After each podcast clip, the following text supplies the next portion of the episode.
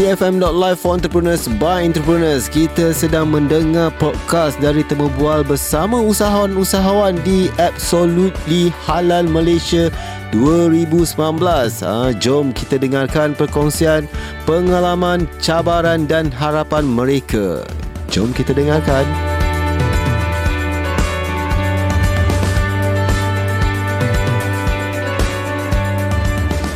Okey dan saya ingin mengucapkan selamat datang dan um, apa khabar kepada Muhammad Ali bin Abdul Rahman daripada Sadin Viral. Apa khabar? Ah, khabar baik alhamdulillah. Alhamdulillah. Ali, saya panggil Ali Ali. Ah, boleh boleh cik. Boleh eh. Okey, Ali ceritakan se- seberingkas berkenaan dengan Sardin Viral ni. First time ni saya tengok ni Ah. Sardin Viral ni. Okey, assalamualaikum dan salam sejahtera kepada semua pengunjung uh, AHM 2019.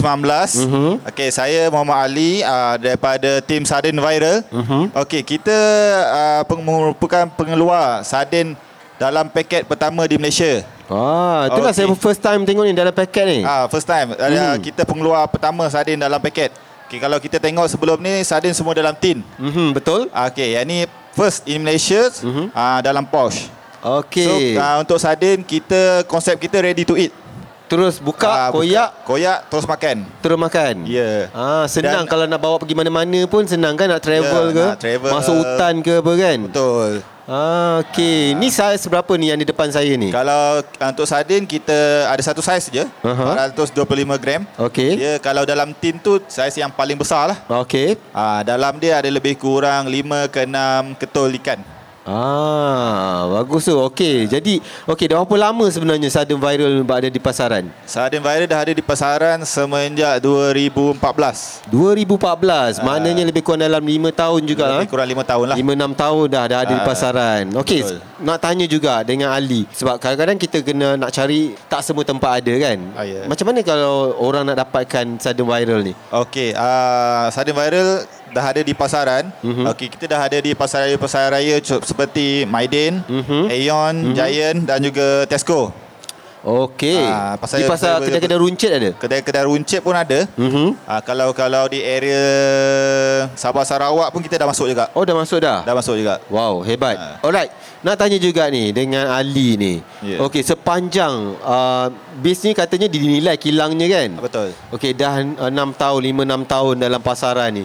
Apa cabaran yang dihadapi sebenarnya sepanjang 6 tahun uh, di pasaran ni? Uh, cabaran yang paling utama adalah orang cakap apa brand awareness lah. Okey. Okey, yang pertama sebab kita brand baru Mhm. dan kita sardin jenis baru. Okey. Uh, bukan dalam tin dalam pouch. Aha. So cabaran yang paling utama kita nak educate uh, consumer Customer. lah. Hmm. Hmm. Uh, customer. Kita daripada kecil dah dah orang cakap apa dah terbiasa dalam tin. Betul? So dah besar ni baru kita jumpa yang dalam paket. Betul. Ah uh, itulah kita Jadi nak macam lain sikit ah, kan? lain sikit. Ah. Ah.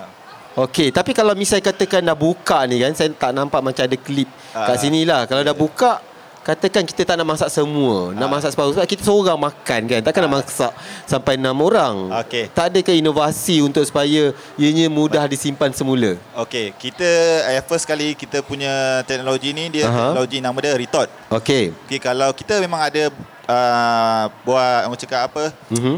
Uh, cuba nak buat yang macam ada zip Yes, Aha. aha. boleh boleh simpan Mhm. mm-hmm. kalau lebih Mhm. mm-hmm. tapi dia belum sesuai lagi untuk Tak teknologi sesuai tu. lagi lah. Ah, so sekarang konsep dia sama macam tin. Mm-hmm. Kalau kita dah buka kena simpan dalam freeze lah. Ah. Okey, makanlah semua. Okey. Okey, Ali. Ah, ya. Um cabarannya tadi memang ada untuk mempromosikan sesuatu yang baru kan untuk Ah, consumer. ah. Pastinya bukannya lah mudah kan? Betul. Okey, jadi apa strategi marketing yang dilakukan untuk memperkenalkan, memudahkan orang mengenali bila nampak aje paket macam ni terus tahu ah ini sudden viral. Okey, uh, first kali dan nama dia pun sudden viral. Mhm. Kita viralkan dulu dalam uh, cakap online lah. Okey, menggunakan media sosial. Dekat media sosial Mhm. dulu. Mm-hmm. Okey, kita punya media sosial eh, Facebook kita ada lebih kurang 300 ribu uh, followers lah. Wow, ramai. Ah, kita dah ramai. Mm-hmm. Cuma uh, dan satu lagi kalau untuk yang orang cakap apa uh, luar daripada media sosial, mm-hmm. kita akan masuk setiap exhibition Oh, yang ada okey. dekat Malaysia ni. Wow, alright. Harapan daripada Ali dan juga Sudden Viral ni sendiri. Apa harapan untuk tempoh mungkin 5 10 tahun akan datang? Okey. Harapan kita um, kita dapat ah, orang cakap apa jadi salah satu pelopor uh, sardin dekat Malaysia lah. Mm-hmm. Sebab kita satu-satunya Bumi Putra mm-hmm. uh, yang buat uh, sardin dalam paket. Okey. Even bukan Bumi Putra, bukan first Bumi Putra, kita first in Malaysia yang buat dalam paket. Mm-hmm. Dan kita nak jadi uh, top, orang cakap apa? Uh, supplier sardin yang paling utama dekat Malaysia lah. Hmm, dan pasti rasanya sedap kan? Mesti sedap. Sedap. Sedap. Okey. Alright. Okey dan uh, itu dia uh, temu bual saya dengan Ali. Saya ucapkan ribuan terima kasih. Saya doakan supaya sudden viral ni akan berjaya berada di merata-rata senang nak cari lepas ni Okey, uh, ucapkan juga terima kasih kepada EFM mm-hmm. kerana sudi menerima uh, menemu ramah tim Sardin Viral. insyaallah